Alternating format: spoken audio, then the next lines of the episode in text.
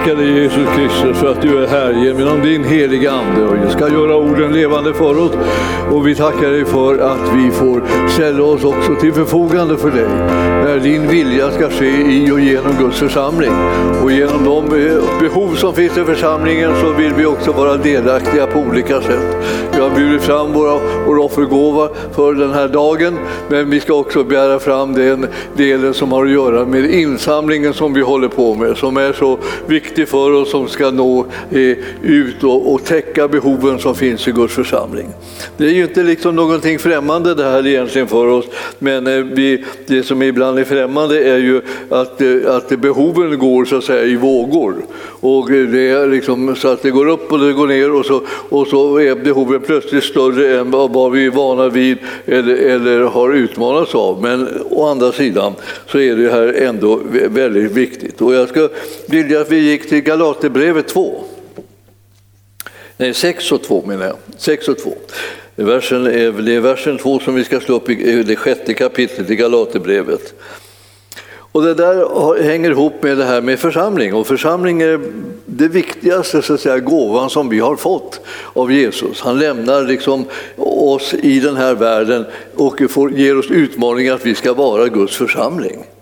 Och Guds församling är att vi ska vara hans kropp så att han genom församlingen kan göra sin vilja här på jorden. Och vi ber ju hela tiden, ske din vilja som i himmelen så och på jorden. Det är liksom vår återkommande bön när vi ber Fader vår. Eh, så är det ju det att vi ropar till Herren att hans vilja ska fortsätta att ske på jorden. Och han, och han svarar oss genom att säga liksom, ja, och ni är min kropp och genom er ska min vilja ske här på jorden. Och så det är liksom inte någonting som att vi låter honom sköta det liksom så, utan, utan han säger, eh, eh, nu hör vi ihop så här. Jag är huvudet och ni är kroppen.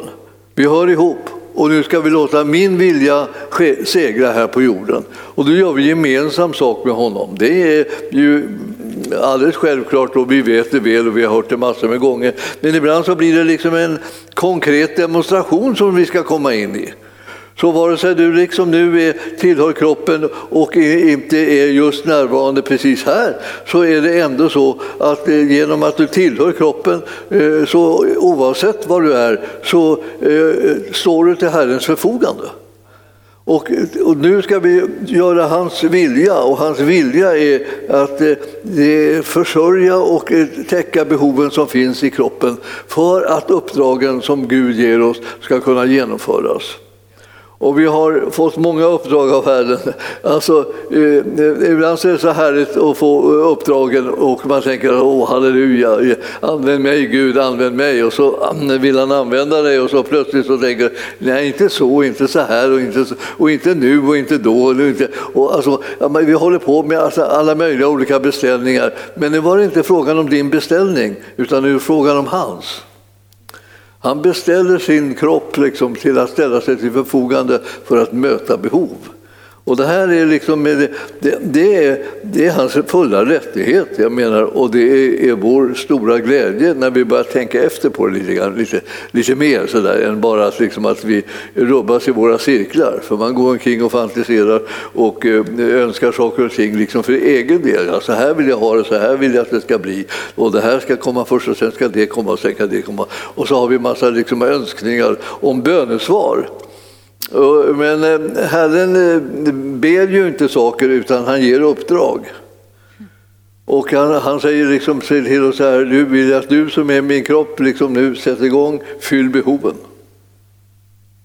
Och då, då är det inte liksom en enda lem som ska fylla behoven utan det är liksom det här med att alla lemmarna tillsammans alltid kan fylla behoven. Och det, alltså, jag har min fulla tro på det. Det är lite svårare liksom, kan man säga just nu när jag står och tittar liksom, mot ganska mycket tomma stolar. Mest tomma stolar ska vi säga. Och eh, tack för att ni som sitter där ändå och uppmuntrar mig genom att titta åt mitt håll. Eh, det känns bra. Då får man en föreställning av att ja, ja just det, jag, jag, jag talar till er som utgör församlingen, ni som är delar av kroppen, för att ni ska samarbeta med Herren om det här som är behoven. Eh, att det, att det är behoven det kan vi förstå av att vi är så få som sitter här. Eh, fastän vi önskar vara ihop så har vi ändå blivit separerade, men inte i anden. I anden är vi ett. Och vi är en hel kropp. För det är vår tro som borgar för det. Så du som sitter och tittar på nätet, jag vill säga, du, jag räknar in dig i kroppen eh, och eh, du som tillhör församlingen konkret redan och du som är på väg att bli församlingsmedlem bara får en chans att komma ut och, och komma till oss så skulle vi liksom kunna liksom ta upp dig i församlingen för att vi vill vara med och förverkliga och stärka den här visionen och den kallelsen som vi har här på Arken. Alltså vi älskar det här uppdraget. Det är det bästa uppdrag av allt. Men vi, vi anade inte att, vi skulle liksom, att det skulle vara så att vi måste tro på att vi själva finns, här på sig nästan. Att eh, församlingen finns, vi måste tro på det fast vi inte ser den. Och, eh, men eh, vi får vara representanter, vi som är här några stycken, och, för att säga att ja, vi är församlingen. Och vi står för det tillsammans med alla de andra och vi hakar ihop och vi gör Guds vilja och vi tänker inte låta oss besegras av omständigheterna. Alltså det här med som det jättefina kollektorer som vi hörde alldeles nyss och så, har inte liksom gjort oss alldeles utmattade av vårt givande som då kom igång. Utan jag tror att vi har liksom ett överflöd. Och så. Vi håller på med en insamling alltså därför att vi har liksom kommit liksom på efterkälken på något sätt med våra, våra, ehm, våra uppdrag att eh, finansiera Guds församling och vi behöver eh, att samla in under, under den här månaden till den här månadens slut och till årsskiftet liksom 500 000 och vi har, vi har inte kommit eh, eh där, dit än och jag vill säga att eh, jag har inte siffrorna på det riktigt för att det verkar som att det, det är lite dunkelt ännu. Och jag, jag, vill bara säga till er, vi är inte där än så därför så behöver vi göra liksom en, en kraftig satsning igen. Vi, vi, är, vi är många som behöver göra det. Alltså. Så vare sig du eh, sitter här eller sitter där hemma där ni flesta är så skulle jag vilja säga eh, eh, ta och fråga Herren vad han vill att ni ska bidra med för att vi ska nå de här 500 000. Ni ska naturligtvis inte känna att det är ni som ska ge allt utan ni ska, ni ska ge efter er förmåga. Och jag vill betona det, för jag tror att det är precis så det blir alltid, att man ger efter sin förmåga. Men man ger inte så att man liksom gör sig likgiltig, utan man gör sig delaktig. Givande är en härlig sak när man kan göra sig delaktig. Och, och, när man kommer på det så kommer man bli liksom intresserad och engagerad och delaktig, så att säga, inte bara i själva givandeprocessen utan i hela församlingen. Man tycker att det här är min församling. Jag står upp för den, jag, jag, jag ställer mig i gapet för den, jag ger till den, jag arbetar i den, jag överlåter mig till den och jag får ut evangelium som är min Herres eh, så här, uppdrag till mig. Och, och så allihopa tillsammans. Också. Så att, eh, därför så eh, fick jag ett ord här som, från Galaterbrevet 6 och 2 där det står bär varandras bördor så uppfyller ni Kristi lag. Och jag, kom att tänka på det just därför, därför att ja, ja, det är det vi gör. Varandras bördor. Det här är, vi har liksom på något sätt en slags gemensamma börda som, som vi ska bära på allihopa. Och, och det är varandras bördor. När vi hjälper till så, så underlättar vi för de andras bördor och de hjälper till att underlätta för min, min börda. Vad är, vad är vår börda? Vår börda är att liksom fylla behovet som finns i församlingen med, så att alla, alla de som gör sig delaktiga tillsammans fyller behovet och så får vi in de här pengarna eh, innan årsskiftet. Det är alltså liksom en extra sak det här. Alltså jag vill säga det till er. Det, det är inte så att vi nu, tar vi nu tar vi två kollekter plötsligt bara eh, för att det är kul eller så. Utan vi tar två kollekter därför att den ena är en insamling som ska, som ska möta de, de här behoven som vi har av att få in extra pengar som ska klara av de, de situationer som vi har på det ekonomiska planet. Och den, den andra är vår löpande, liksom, vårt löpande behov som är alltså för kollekt nummer nummer ett som vi hade. Och, och jag vill säga båda är behjärtansvärda. Båda sakerna är för närvarande nödvändiga. Också. Så jag vill, vill bara vädja till er, alltså, eh, ta vara på de här eh, siffrorna nu då, när ni får upp eh, eh Swish-numret och, och det vanliga banknumret och, och eh, betala in på det. Eh, eh så när det kan ni göra eh, eh, nu, nu direkt på, på Swisha förstås och, och banknummer kan man ju ta sen. Men skriv upp det liksom så att ni har det för att vi får upp den där skylten en gång till så att eh, ni, ni, kan titta där och skriva ner det. För det, kommer ni, det där numret kommer ni ha användning av jättemycket eftersom vi får ett annat sätt att, att samla in pengar på än att vi går omkring med, med korgen. Vi gör ju det också, men det, det liksom, eh, vaktmästaren tycker liksom att det blir väldigt, var väldigt, väldigt tungt i, i den här korgen. Och det förstår jag för att liksom, vi är så få som är här, men ni är jättemånga som är där. Så hjälp oss och, och, och, ge er gåva för att vi ska komma upp till de här. Tänk så här, nu, nu, nu ger jag den här gåvan och med denna gåva så blir det eh, 500 000. Så du tänker, du sätter tro till att du bidrar till att vi når målet. Alltså. Och, så. och då är det väldigt olika vad vi har för resurser. Men eh, gör så gott du kan på det här och låt ditt hjärta tala eh, så kommer vi eh, ta emot det här med tacksamhet. Så himmelske Fader, vi vill bära varandras bördor och vi vill bära förstås den börda eh, som vi har fått ansvar för i din församling. Och jag ber dig Herre för var och en som tillhör församlingen, både de som är här och de som ser på oss över nätet och alla vänner till församlingen som tittar på de här mötena och känner det. Jag vill vara delaktig och stärka det som vi håller på med i församlingen Arken. Både vi arbetar för människors frälsning, vi arbetar för helande befrielse befrielse och upprättelse. Och vi vill att Guds rike ska utbredas här på jorden. Och vi vill att Guds församling ska ha utrymme att göra den goda vilja som Herren har kallat oss till. Vi överlåter oss Herre till dig och vi ber att du ska tala in i våra hjärtan och säga till oss vad, vad vi behöver bidra med. Så att de siffrorna kommer upp i vår, i vår tanke och så vill vi ha ett, lyd, lyd, lydigt hjärta som följer det som du manar oss till. I Jesu namn. Amen. Tack för din gåva. Och eh, där har du numret igen och du kan titta på det och skriva upp det. Swishnumret kommer du ha nytta av igen när du tittar på, på oss här. Då, där kan man ge gåvan när som helst så att säga. Och eh, vi, vi, eh, så att om du tycker att det är krångligt att ge det mitt i mötet så ger du det mot slutet. Vi kan påminna dig lite om, om det också. Så när du, när, även om du är, har själva mötet här är slut så kan du ge din gåva.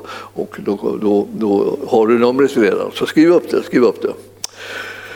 Tack för allt det här givandet. Det, det, jag känner liksom det här, man, man, man uttrycker sin kärlek till Guds församling genom ett givande och jag, jag, jag gillar det skarpt. Alltså. För det finns ingenting som är en sån räddning som, och sån hjälp för oss allihopa som just Guds församling. Det är hans idé. Så, tack lovsångare. Eh, ni får gå ner och eh, swisha, eh, eh, ni också. Så ni inte liksom bara tror att nu kommer vi undan. ni, ni missade i så fall någonting.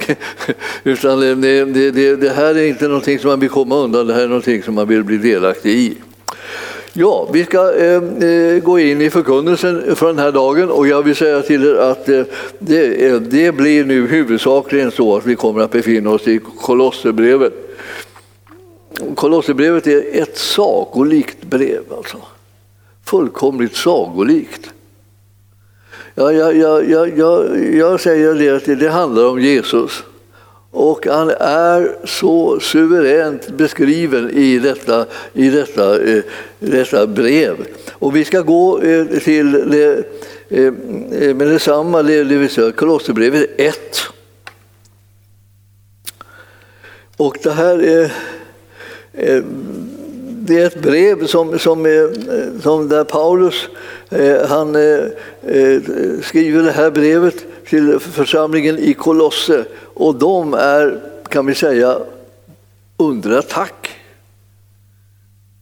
För det är ju mängder med liksom, villfarelse och, och vad säger jag, olika typer av, av konstigheter i läror, konstiga läror som attackerar och undergräver församlingen och förvirrar den. Den vet till slut inte riktigt vad ska, vem ska vi tro på, vad ska vi tro? Och jag vill säga till er, det är så hela tiden. Alltså, att det är, inte, det är inte främlingen som vi ska tro på, utan det är de, de, den som vi känner som vi ska tro på. Som vi vet vem den är och vad den gör och vad den vill. Och så där. Det, det, det är den som vi ska tro på. Den som har liksom möjlighet att visa vad den, vad den verkligen står för. Därför är det så här att i de här tiderna då vi egentligen liksom, eh, lever lite grann eh, annorlunda. Eh, du fick inte, inga, inga troslöften eh, och inga vanliga pengar så heller. Nej, eh, då, då eh, förlitar vi oss helt på Swish och bankkontot där, att det ska komma in. Det andra vart, vart tomt. Den första gången det hände under hela min tid som predikant. Men det, det är inte ert fel, det är systemet som har blivit annorlunda. Ja. Men alltså det, här, det här med att man, blir, man får höra massa saker. Eh, och jag vill säga till er att eh, ni, ni ska vara lite noggranna när ni lever som kristna i den här tiden. Utbudet liksom av talare och åsikter och, och sådär på, på det andliga området det är liksom väldigt stort.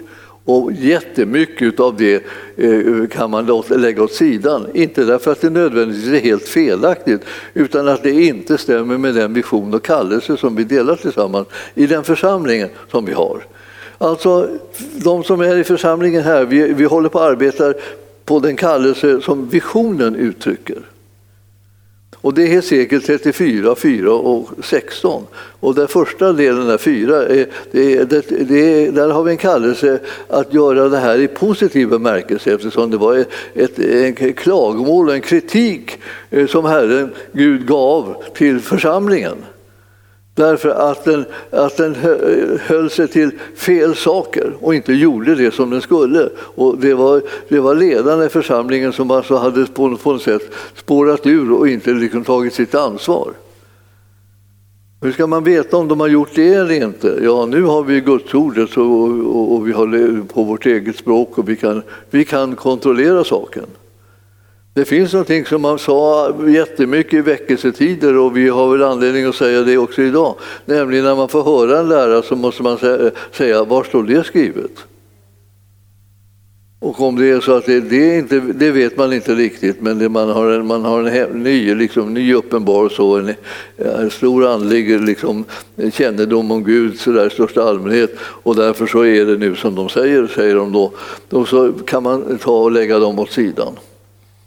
Det finns mängder med nya saker som ingen annan någonsin har hört också, som folk blir imponerade av. Oh, fantastiskt, fantastiskt, det här har jag aldrig hört talas om. Eh, kan det vara på det viset? Ja, visst, så kan det, säger man då. då. Men så om du inte vet vad det står skrivet så eh, låt eh, nyheterna vara. Saken är den att vi egentligen ägnar oss åt fullkomligt och helt åt det som eh, redan är klart redan är gjort, redan är fullbordat. Och det är inte så att vi håller på och letar efter någon nyhet. Vi, vi, det kan vara ibland vara nytt för oss därför att vi inte var tittat, sett så mycket av det. Men det är meningen att det ska vara känt i, i skriften och därför så går vi dit. Så att eh, eh, de här eh, de, hade många okulta inslag och mycket konstigheter så att säga, i den samtiden och på den platsen där Kolosse låg. Och det här jag vet inte hur, hur, hur ni har det med era kartor, men ibland så kan det ju vara kul att se vad, vad, vad i all världen låg Kolosse. Ja, alltså, eh, om jag nu hoppas att det, liksom, det ska synas på, på min, på min eh, karta här så, så tror jag att man borde kunna hitta det eh, i, i mindre Asien. Här. Vi ska se här. Eh, eh, Kolosser ligger en liten bit in i landet, alltså i, i den, den västra delen av Turkiet. Där ligger Kolosse, en liten bit in i landet där. Alltså inte vid kusten utan lite längre in. Eh, och den där, den där platsen, där, där hade Paulus kommit och eh, han hade, hade predikat där och man hade startat församling och nu så skulle eh, man eh, uppmuntra den här församlingen att hålla fast fastän det är massa påverkan från olika håll liksom, av värderingar och synsätt och åsikter och mycket filosofiska liksom, strömningar och ockulta sådana också. Det här, det här är liksom, eh, man kan säga, vi lever själva liksom i en ganska okult värld som är full med liksom, eh, såna här eh, informationer om det övernaturliga eh, som är mer av spökkaraktär.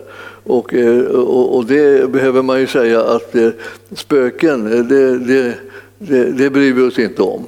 De, de, de tillhör de här sakerna, de andemakter som liksom försöker skrämma folk på olika sätt eller få, få dem att ägna sig åt kontakter liksom med, med, med de avlidna och sådana här saker. Vi står det emot. Vi, vi, vi, vi, låter oss inte liksom bedras av det. Det är bara spännande därför att vi, liksom, vi inte vet vad det är för någonting, utan det, det är fel. Det är inte någonting som vi är tillåtet att, för oss att ägna oss åt. Och eh, den där typen av mörker ska vi bara sätta stopp för i namnet Jesus.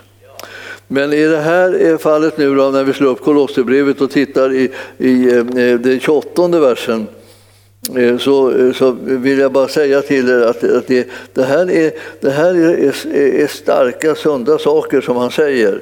Alltså, eh, det är frågan om att vi predikar Jesus Kristus, alltså han som är härlighetens hopp, har det stått i, i vers 27.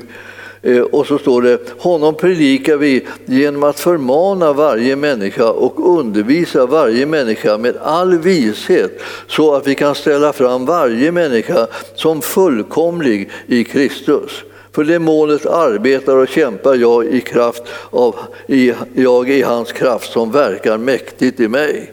Jag brukar tänka så här, det är det som jag hade sagt det själv, tänker jag. Alltså, det här är det, det här som är läget. Va? Så fastän jag liksom, man ska säga, är, är den jag är så är det så att genom tron så verkar Herren mäktigt i mig. Alltså med den kraft som han har gett mig. Och så kan du också säga därför att du som har tagit emot Jesus, du har fått den heliga Andes kraft boende i dig och du kan arbeta utifrån den, den situationen. Att du kan göra saker som är verkligen starka och förvandlande. Du kan stå emot, du kan bryta ner. Och eh, också sådana som vi skulle säga starka fästen och, och verkliga eh, krafter som står och, och eh, härjar i den här världen. Vi kan stå emot det. Vi kan bryta sjukdomarnas makt och inflytande. Vi kan göra olika sådana här saker som människor tänker, ja, men det är väl inte möjligt? Nej, inte för oss, men för honom är det det. Han gjorde det, han gjorde det jämt. Och vi som går i hans efterföljd kan också få liknande erfarenheter, att vi kan omintetgöra eh, fiendens olika attacker på människor när han försöker skada och bryta ner deras hälsa och, och, eh, och skrämma vettet ur dem för att de tror att nu kommer de drabbas av saker som är så svåra att, eh, att det inte går att rädda dem.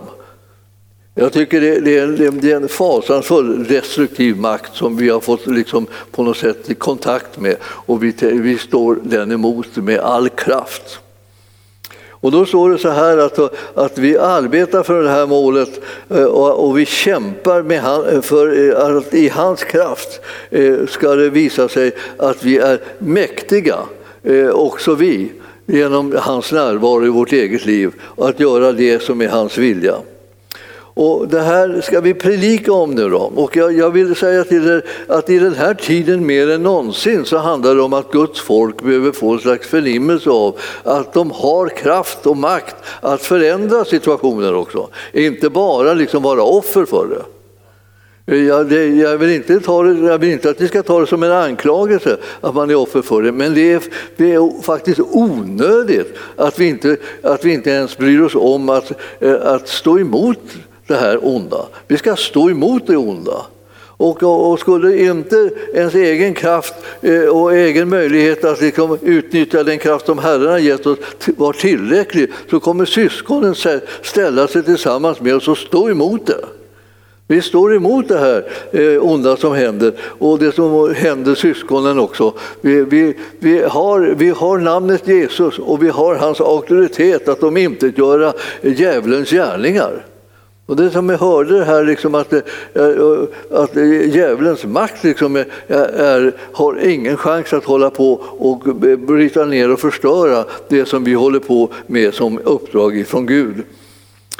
Därför så predikar vi och förmanar varje människa. Jag vill tala om för er, eh, om ni inte har hört det förut, att det här ordet förmana, det, det betyder vägleda. Det har inte riktigt den här, enbart den här konstiga negativa eh, grejen att man liksom eh, går på någon och kritiserar dem för deras brister. Det är inte förmaningen. Förmaningen är att vägleda den för att den ska hitta rätt. Och det är ingenting som de flesta har någonting emot. Men börjar de uppfatta det som att det är kritik, då låser de sig och tänker så här, här ska inte någon kritisera mig, jag vill inte värre än någon annan. Och så sätter de igång och tuggar sådana där återvändsgränder som man inte behöver. Vi behöver öppna oss för det som Gud ger av vägledning och kraft. Och eh, då kan jag säga också det att det är ibland så att man, många, många av församlingens medlemmar ska inte ägna sig så mycket åt att kritisera och rätta till de andra. Eh, de har fullt upp med sig själva skulle jag säga, eh, med all sannolikhet. Och, då, och det borde de ägna sig åt. Och då ska de ägna sig åt att förstå att nu vill Gud vägleda dem istället för att bara racka ner på dem. Vi har inte den, den andan i Guds församling att vi rackar ner på varandra utan att vi hjälper varandra och visar varandra vägen för att vi ska komma rätt. Så honom predikar vi alltså och vi, eh, genom att förmana varje människa, alltså vägleda varje människa och sen undervisar vi varje människa med all vishet. Och hur får man tag i visheten? Ja, visheten, liksom, det, dels är det en gåva som, är, som man får, och, eh, men det är ett sätt att förvalta kunskap på. Om du eh, ska vara vis så betyder det att man kan se att den kunskap som du har kan du använda på rätt sätt. Det är vishet. Så det är inte liksom bara det att du går omkring och är en djuping. Så det, det, det, är inte det man menar, utan man menar alltså att du, du helt enkelt är en som får, har, har fått uppenbarelse om hur den här kunskapen ska användas. Och när du, när, du, när du kan det, då kan du dela med dig till andra och säga så här, så, ni, så här går det till. Det här gör vi. Så gör vi när vi har den här kunskapen. Vi använder den på det här sättet och så får vi ljus och uppenbarelse över hur vi ska lösa situationen. Det här är Herrens gåva till oss och vi behöver få den genom undervisningen och genom vägledningen som, vi, eh, som eh, han ger oss. Så vi predikar om det där. Och så står det så här, för att vi ska kunna ställa fram eh, varje människa som fullkomlig i Kristus Jesus. Så målet med det är att när jag predikar om det här så är det för att jag vill att kunna ställa fram er alla som fullkomliga i Kristus. Jag tänker, det var ju lite förmätet. Fullkomlig kan man inte få bli. Då är man ju, då är man ju uppblåst och dryg och, och hemsk och, och obehaglig och man, alla andra bara rusar ifrån en då för att nu kommer den där fullkomliga typen. Fullkomliga, det där med att vara den fullkomliga typen, liksom, det, det, är, det är var, varje kristens liksom, arvedel. Varsågod, förvalta det väl. Ni har blivit fullkomliga i Kristus. Och när man har blivit det så finns det någonting som har hänt på ens insida och man har en förutsättning för att leva ett liv som Jesus talar om. I annat fall så går inte det. Då är det som han, han talar om vi, hur vi ska leva och vi tänker bara det är rent omöjligt. För det där var ju så, det kräver ju liksom att man är perfekt och fullkomlig. Och, så.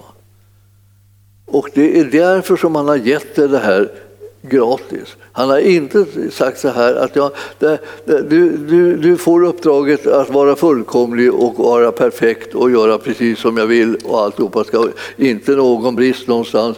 Eh, om, du, om du bara tänker på det och hur du ska klara det så är saken ganska klar. Du klarar det inte. Men han ger dig hela förutsättningen och det är det han börjar med. Det är därför som han säger liksom det här, alltså han ska göra det här nu då. Han ska ställa fram varje människa som fullkomlig i Kristus. Det är liksom egentligen det som är hans gärning, inte din. När du tar emot den här i tro så har du förutsättningar för att leva ett annat liv än det du någonsin har kunnat klara av tidigare. Det är Herrens förvandling av oss som gör att vi kan gå in i ett annat livsstil än vad vi haft förut. Och jag, jag vill bara säga, det här, för det här, därför predikar vi. Om jag tänkte så här, jag ska predika för er så att ni skärper er något fruktansvärt. Så det blir, ni blir precis så som, som Herren vill ha er. Och ve den som inte liksom, uh, lyssnar här noga för nu ska ni bli förvandlade allihopa. Jag, jag ska säga det, jag, eh, jag, kan, jag kan inte predika så, jag kan predika så att ni får en, en, en uppenbarelse om vad Gud har gjort med er. Så att inte ni bromsar när han säger att ni ska göra det omöjliga. Ni har fullt med sådana uppgifter, omöjliga uppgifter som ni ska genomföra här i livet. Tro på honom. Han är mäktig att göra under med er. Det är inte så att det här är, det här är någonting som ja, det, det här kommer aldrig att gå. Så alltså, det är klart att det, han, vill, han vill, står det. Och eh, jag menar, när han vill någonting så är det liksom också så, han kan. För du ska inte tro att han vill men kan inte. Han skulle vilja att ni kunde bli, ni kunde bli folk utav er allesammans, men det går inte. Han tappade sugen och han blev deprimerad och eh, gav upp och det var hela, alltihopa var bara slut. Men var, så, så, är det aldrig med Jesus Kristus. Det står helt enkelt att han vill ställa fram varje människa som fullkomlig i Kristus. Alltså det förstår att varje människa ska bli eh, eh fullkomlig i Kristus. Varje människa ska stå där med all, all, all vishet. Så, så också alltså, bli en fullkomlig människa i Kristus. Det är en gåva. Det är liksom inte, inte det frukten av att du har ansträngt dig och kämpat, liksom, utan det är det att du har fått tro på det så att du kan ta emot gåvan och bli förvandlad av den. Det blir ett nytt liv. Om du låter bli att tänka på vad du inte kan utan tänker på vad han förmår så börjar, det här, får, börjar du få tag i sakerna så att de blir rätt helt enkelt. Sen är det så här att eh, eh, det här som står i vers mm, 20, 29 eh, där står det, för det målet arbetar och kämpar jag i hans kraft som verkar mäktigt i mig. Jag vill, jag vill rekommendera dig att bekänna dig till den kraften. Alltså att du inte liksom bara säger ja, det skulle jag önska, utan du, du ska säga ja, det gör jag. Jag tänker låta den kraften mäktigt verka i mig. Jag sätter tro till den kraften som han har planterat in i mitt liv och den ska avverka mäktigt i mig. Och då, eh, då är det inte liksom bara en sak som, eh, som är omöjlig liksom, i, i din egen kraft utan det är hans kraft som verkar det här. Och, och, då arbetar jag, eh, säger Paulus, och kämpar för det här målet eh, eh i, i hans kraft som verkar mäktigt i mig, säger Paulus också. Ja, du, ja jag också, säger han då. Och ni också. Vi har fått samma kraft inbakad och inlagd i vårt inre som gör att vi kommer att kunna ta steg och göra saker som övergår allt förstånd och som bryter liksom alla de här erfarenheterna som du har haft tidigt, vad du har kunnat göra tidigare, vad du har kunnat göra eh, eh, med honom. och så. Jag har tänkt att det här, det här går inte, och så här, jag orkar inte mycket och jag har inte, jag har inte växt till riktigt ännu och jag har inte mognat. Och jag har inte det. Nej, men det kan kanske du inte har, men han har lagt ner den här kraften i dig på eget initiativ utan att vänta in att du mognade. Det här är lite chockartat, liksom, för att man tänker så här, man måste, kan inte gå utöver vad man har liksom kunnat uppnå. Det kan man visst, det beror på vilken källa man öser ur. Det är inte du som är källan, det är han. Och det, här, det här kommer att göra att man så småningom börjar våga ställa om sitt liv efter det som är den verklighet som han pratar om att han har gett till dig och mig. Så att det, det, här, det, här, det här kämpar nu, nu Paulus för att det här ska gå upp för dem här. Eh, och han behöver själv använda sig precis av den här kraften för att kunna förverkliga det som han håller på med också. Och sen står det i, i kapitel 2 och vers 3. I honom är vishetens och kunskapens alla skatter gömda. Och jag tänkte på det så, liksom, eh, så tänkte jag först liksom på den här delen som hade att göra med att de var gömda. Så han har gömt alltså vishetens och kunskapens alla skatter. Och de har blivit gömda i honom. Då kan man tänka liksom, hur, hur, har, hur har han lyckats med det? Alltså hur pass bra har han gjort det? Är han bra på att gömma eh, saker och ting? Förmodligen suverän.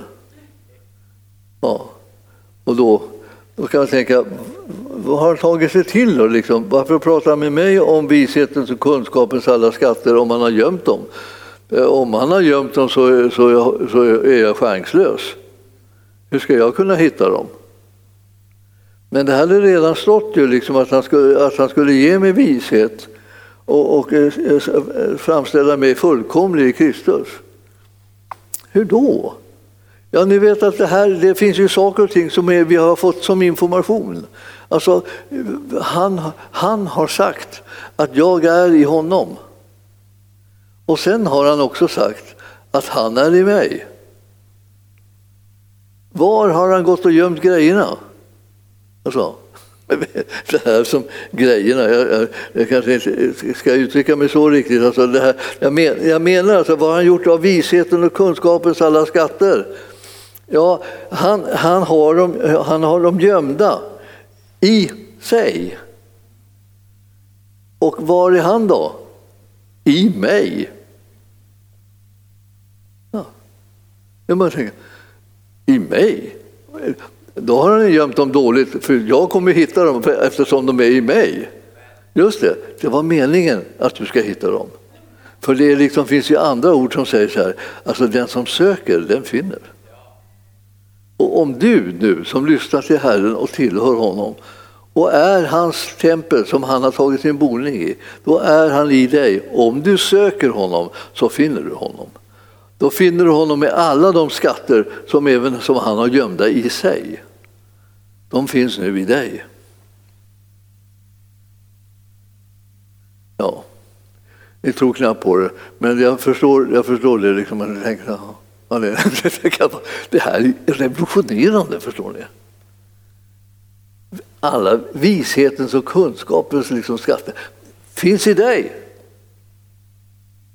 Då, då börjar man liksom söka upp dem. Då, då. Ja, och då får man reda på att man kommer att finna dem. Eftersom det är det som är liksom villkoren som du och jag har när vi söker. Söker vi så finner vi. För vi tillhör honom och därför så kommer det inte det vara så att, att vi söker och vi finner ingenting. Det är som är hopplöst som att leva, le, leka kurragömma med någon, någon som är alldeles för bra på att gömma sig så man hittar den aldrig. Har ni varit med om sådana kurragömmalekar? Väldigt tråkiga lekar. Alltså, eh, om man inte hittar dem någon gång, inte ens när man anstränger sig som mest, så vill man inte vara med och leka längre. Alltså man, jag struntar i det här, jag hittar ingenting. Men sån är det inte när han säger sök. Utan sök så ska ni finna. Be ska ni få. Klappa på, det ska öppnas för er. Det är vad han säger. Jesus själv undervisar sådär superenkelt för oss bara. Vad ska jag göra då? då? Söka, be, knacka på. Det är vad jag ska göra. Då får jag, får jag svar. Ja, ja, ja, ja, ja. Var är det här? Det är här redan då. Det som är, det som är när, man, när man, jag kommer ihåg när man lekte kurragömma med sina föräldrar, de var alltid lite vänliga och så att, när de gömde sig någonstans och, och det dröjde innan man liksom riktigt hittade dem så började de göra små ljud för att man skulle hitta dem. För det hela gick ut på att man skulle få glädjen av att finna, inte bara att man letar och inte finner. Då blir man ju liksom bara deprimerad. Så man vill ju att barnen skulle liksom få upplevelsen, oh, där är det ju! Liksom. Det, det, det var ju det som var saken. Och här är gåvorna. Här är utrustningen, här är kraften, här är möjligheterna som du har. Här är livet som kan bli ett fullkomligt liv. Det har han gett till dig och du kan nå det. Den som söker det här finner det. Och jag kan inte nog liksom betona det för att det är så eh, fantastiskt. Alltså. Och även om det är, alltså att det är sant att de är gömda, för det är många som inte finner dem. Och vet du vad det beror på? De söker dem inte. De ber inte. De knackar inte på. Och därför hittar de ingenting. Och så tänker de, så går de omkring och bara tänker, det finns ingenting. Men det är precis fel uppfattning. De har bara inte hört vad han säger. Han säger gå nu och sök det här. Då kommer du finna det. Gå nu och be, kommer du få det. Gå nu och knacka på så kommer han öppna för dig. Så att du hoppat över alla nycklarna när de var givna. Och därför så kommer det så att de här löftena som han har, de, de, de är, det är så här fast, de här löftena står alltså fast när Jesus har sagt det själv alltså, om det här. Till var och en som ber, han får. Och den som söker, han finner. Och den som bultar ska dörren öppnas för. Det där står i Matteus 7 och 8. Eh, och det är ett Jesusord som är för att du och jag ska veta hur kommer det här att gå? Han, han, han är inte ute efter att du ska gå vilse. Han är ute efter att du ska komma rätt. Det är så liksom på något sätt ibland som man får för sig liksom att han försvårar livet.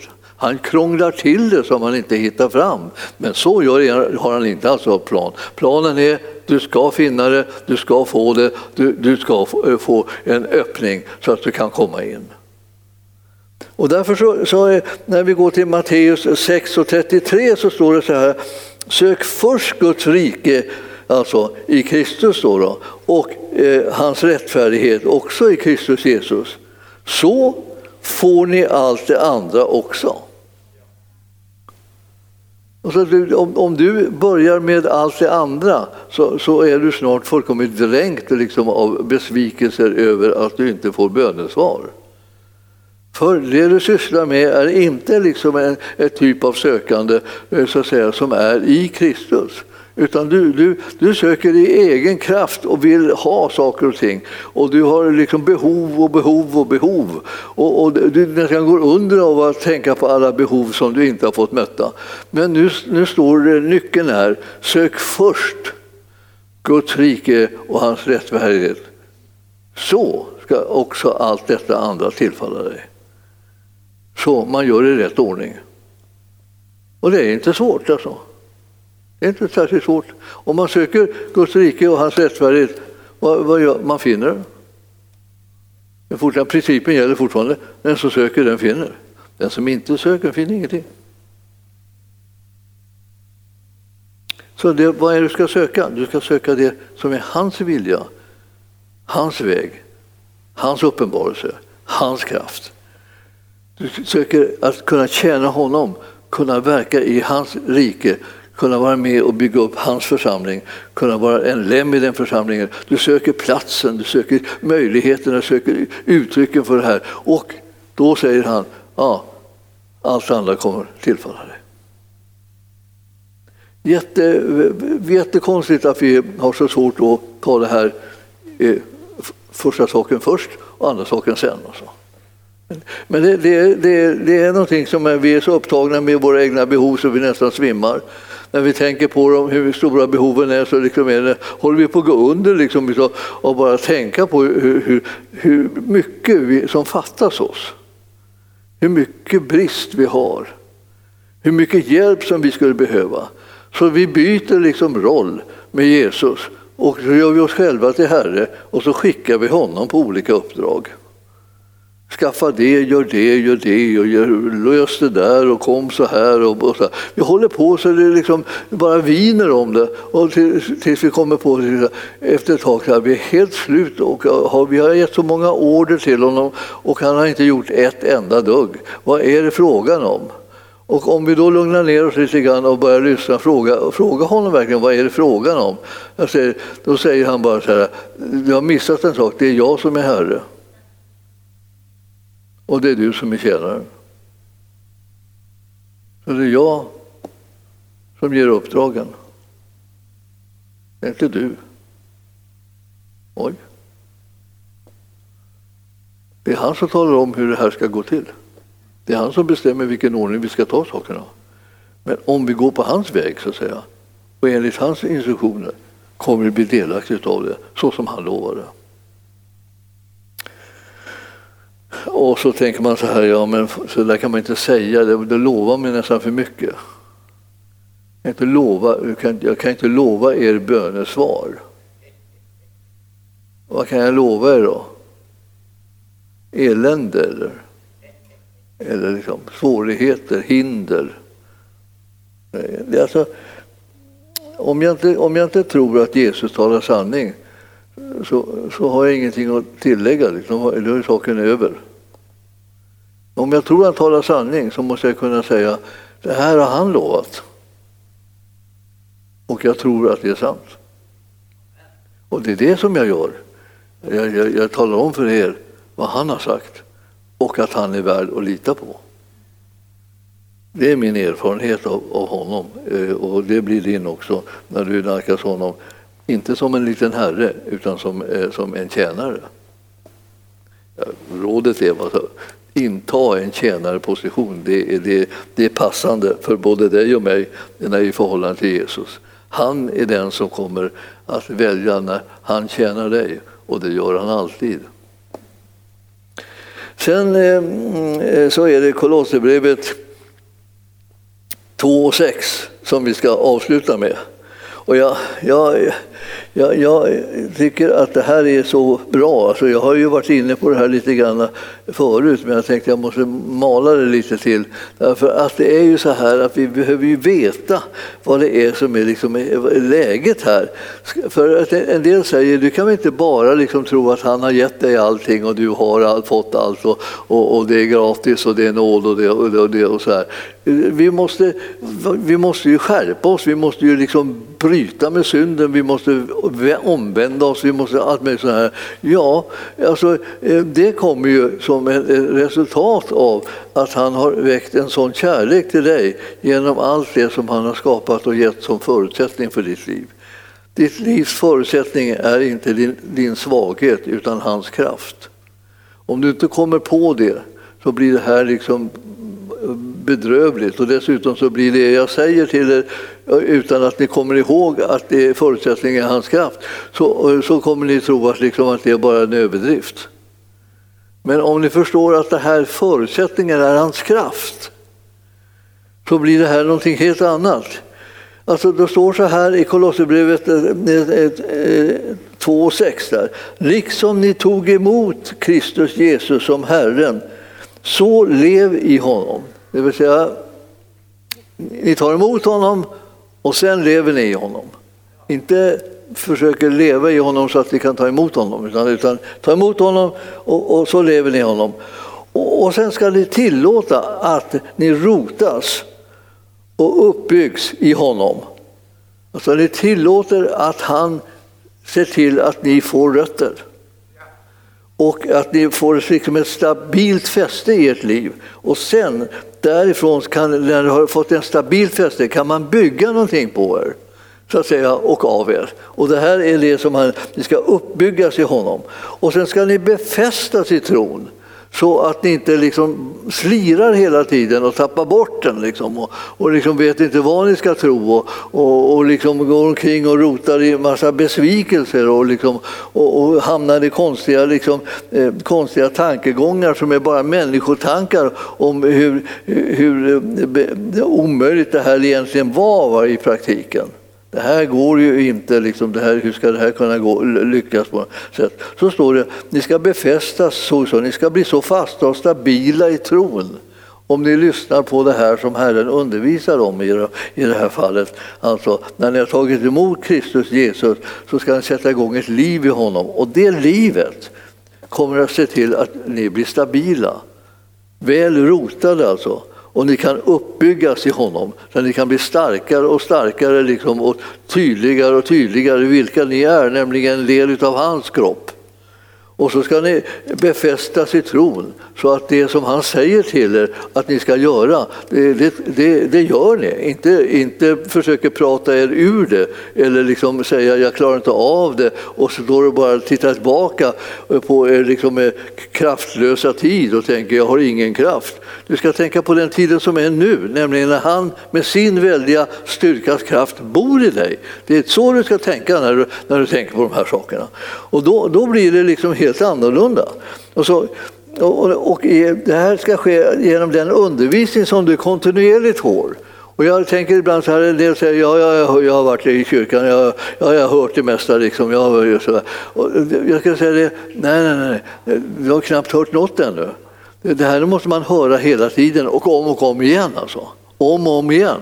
Du ska inte tro liksom att oh, det är skadligt för dig att höra det här en gång till. För att det här behöver du höra många gånger. För att det liksom, du liksom, ah, så eh, rinner av det så ligger, och så ligger, glömmer du bort det och så, och så tänker du på andra saker. Och så, och så råkar du höra, eh, se ett tv-program med någon häftig grej. Alltså. Någon predikant som säger något annat. Här. Så, så slirar du in på det utan att ta reda på vem det är som talar och vad, hur den personen lever eller hur det hela är. Med, med vad det är för sammanhang den står i. Någonting så här. Ska den göra det som jag ska göra? Göra? Ska den vara kropp i den, den församling som jag ska vara? Är det därifrån jag ska hämta liksom kunskap från någon helt annan som har en helt annan uppgift? Eller ska jag hålla mig till den Herre som jag tjänar i det sammanhang där jag står? Ja, det är klart, det här är senare som det gäller.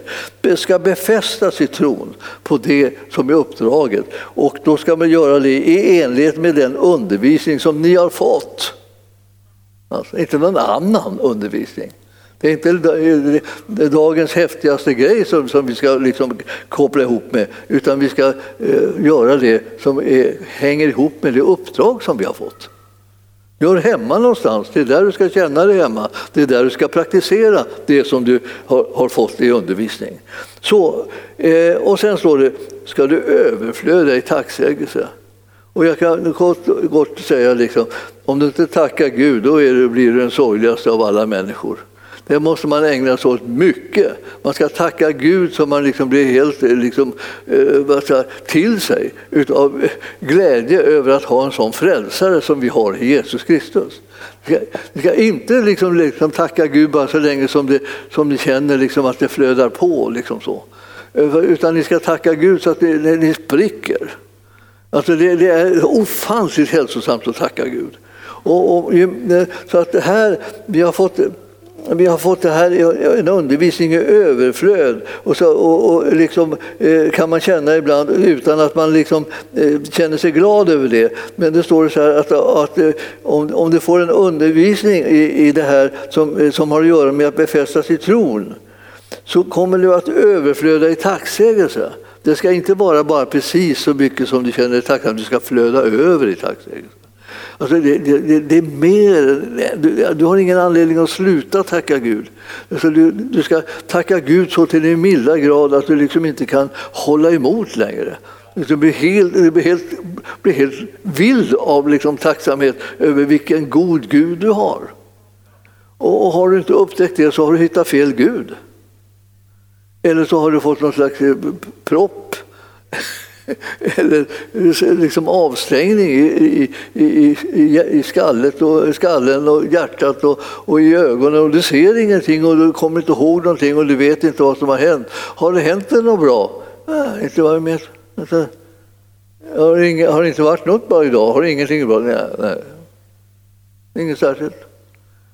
Och det är klart att det, om du går hela dagen så här och låter bli att titta efter och räknar alla, alla de här goda stunderna, alla de här fantastiska välsignelserna som Herren bereder för dig, då kan du tappa bort tacksägelsen. Liksom. Då blir det liksom ingenting, det är svårt att tacka. Och jag har haft ju liksom en, sådana där vad ska jag säga, ö, ökenvandringar utan tacksägelse. Alltså att leva kristen utan tacksägelse det är det sorgligaste man kan tänka sig. För, för man blir så jättetung och negativ så att man, det enda man kommer ihåg är vad man inte har fått. Man räknar liksom, ah, nej, det blev ingenting. Nej, det blev ingenting. Hade jag bett och bett och bett, det blev ingenting. Så man, man, man har, räknar fel saker. Man ska räkna liksom de, de, de, de här goda stunderna de här kärleksbevisen som Herren har visat den. Man ska räkna dem. Man ska prisa och tacka honom för det. Det är mycket bättre än du riktigt anar ännu. Så att även om du tycker att det där var ganska bra så är det där ganska bra inget bra uttryck på det. Utan det är kolossalt bra. Det är fantastiskt bra det som Gud har gjort. Där. Det är bara det att du inte riktigt får syn på det. Så du, du liksom, om du tackar på lite grann där så kommer du så småningom få öppnade ögon liksom, och börja märka liksom, vilken gåva, vilket liv, vilken härlighet som jag har fått när jag får tjäna eh, honom eh, och, och, vara tillsammans med honom och räknas som hans och ha mitt beskydd i honom. Alltså vilken gåva! Det finns ingenting underbarare än att få tjäna Jesus. Det här är liksom tacksägelsen.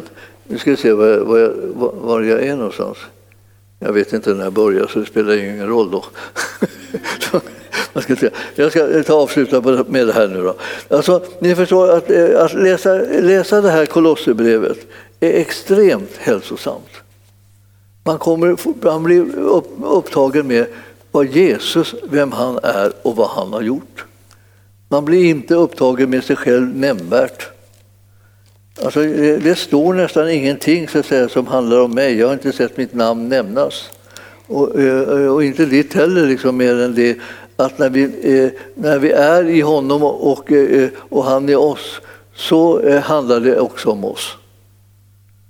Och då är det inte någonting som du kan dra dig undan ifrån. Då är här det, den verkliga beskrivningen av dig finns i Kolosserbrevet.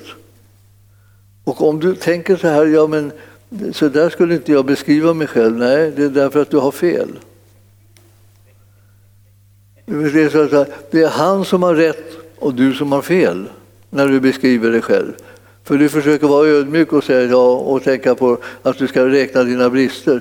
Men du ska inte räkna dina brister, du ska räkna dina tillgångar. Och Jesus är din stora tillgång.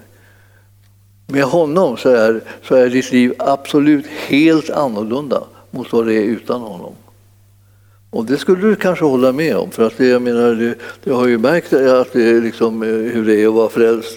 Men, men eh, jag tänker ofta på det här bibelstället också eh, som, som står i tredje kapitlet. Där. Första versen, andra versen och ja, tredje kanske också vi kan ta. Första, andra, tredje versen i tredje kapitlet i Kolosserbrevet står det så här. Då ni alltså har uppstått med Kristus, sök det då det som är där ovan, där, där Kristus sitter på Guds högra sida. Tänk på det som är där ovan och inte på det som är på jorden. Ty ni har dött och ert liv är dolt med Kristus i Gud. Jag får man läsa många gånger alltså, och tänka på. Hur, vad, vad menar vad menar vad menar ja, Du hamnar på mest överraskande ställen. Och det kanske är kanske också det mest överraskande, i det mest överraskande sällskap som man kan tänka sig. Det, det, det händer ju ofta människor att de ibland hamnar i fel sällskap. Här hamnar du i sånt rätt sällskap så att det är helt ofattbart. Hur, hur kom jag dit? Va? Ja, det, det, var så att du, du tänkte på honom som har uppstått eh, eh och på det som är där ovan. Va? Där Kristus sitter på Guds högra sida, ska, det var det du började tänka på. Och så tänk på det som är där ovan och inte på det som är på jorden. Då stryker du det som är på jorden liksom och börjar tänka på det som är där ovan. Nu, då. nu förutsätter jag att du sitter ensam någonstans. Du kan inte stryka det som är på jorden var som helst, men, men du behöver göra det. Och så, sen står det beskrivningen att, att du, du har dött alltså. Och ditt liv är dolt med Kristus i Gud. Så du har blivit skild ifrån det andra livet, det gamla livet och nu har du ditt liv, det är det som är gömt med Kristus i Gud. Det är, en ny, det är ett nytt läge. En ny uppenbarelse om vem du är och vad, vad, vad du förmår. Det är en, en helt ny beskrivning av vad du har för resurser tillgängliga. För du är ju dold med Kristus i Gud. Det går, det går inte att fatta. Vad ska, vi, vad ska man göra då? Man ska få be att man får så mycket ljus så man slutar upp och leva av det som inte är någonting, nämligen ens egna eh, gärningar. Man ska leva av det som han ger istället. Då kan nu hela livet nu bara, bara förvandlas istället för att vi liksom bara går omkring och knotar över att det, det, är som vanligt och man kommer ingenstans och man kan ingenting och man, och man vill ingenting och man törs ingenting och allt vad det är, ingenting, ingenting, ingenting. Alltihopa ingenting. Istället för att allting är möjligt för den som tror. Så vi ska läsa vår bibel och så ska vi tänka så här, tala om för mig Herre vem jag är. Tala om för mig hur, hur jag kan leva, vad jag kan göra. Tala om för mig vad du vill. Utmana mig på allt sätt. Jag kommer att kasta mig in i det övernaturliga och göra det som är omöjligt för alla, alla människor som, in, eh, som inte har dig, men möjligt för mig och de andra som tror. För därför är ingenting omöjligt för oss. Så himmelske Fader, nu ber vi att ditt ord ska bli allt mer levande, allt mer närvarande och att allt det här underbara som du har gett till oss ska vi få syn på så att vi blir frimodiga och glada och kan leva och göra precis det där som du säger till oss att vi ska göra. Så att vi slipper ursäkta oss och säga att vi inte kan eller vi inte orkar eller att, vi, att det är omöjligt på något vis. Utan allting är möjligt för oss och vi är så glada över det här och vi ska känna tjäna dig och göra underbara ting för, för dig och för människorna som vi lever tillsammans med och som du har givit oss. Vi vill tacka dig för dem allihopa därför att de är som välsignelse. Vi tackar för alla församlingar och församlingsmedlemmar och alla människor som älskar Jesus och följer honom. Vi tackar dig Herre för att vi själv får vara med i den skaran och tjäna dig och förhärliga ditt namn. Vi är så tacksamma över att vi lever och, och får lära känna dig Herre, för då finns det en garanti för att vi kommer att få del av evigt liv och kommer till din härlighet i himmelen. Det är det vi längtar efter, det ser vi fram emot och vi ber Herre, låt oss ta, få möjligheten och kraften att ta med oss mängder med folk in i himlen så att det här blir fullt och inte tomt. Vi prisar dig Herre för det. Det ska fyllas och det ska bli en himmel som håller nästan på att spricka av liksom så många människor som har tagit sig in genom tron på Jesus Kristus. I Jesu namn ber vi. Amen. Amen.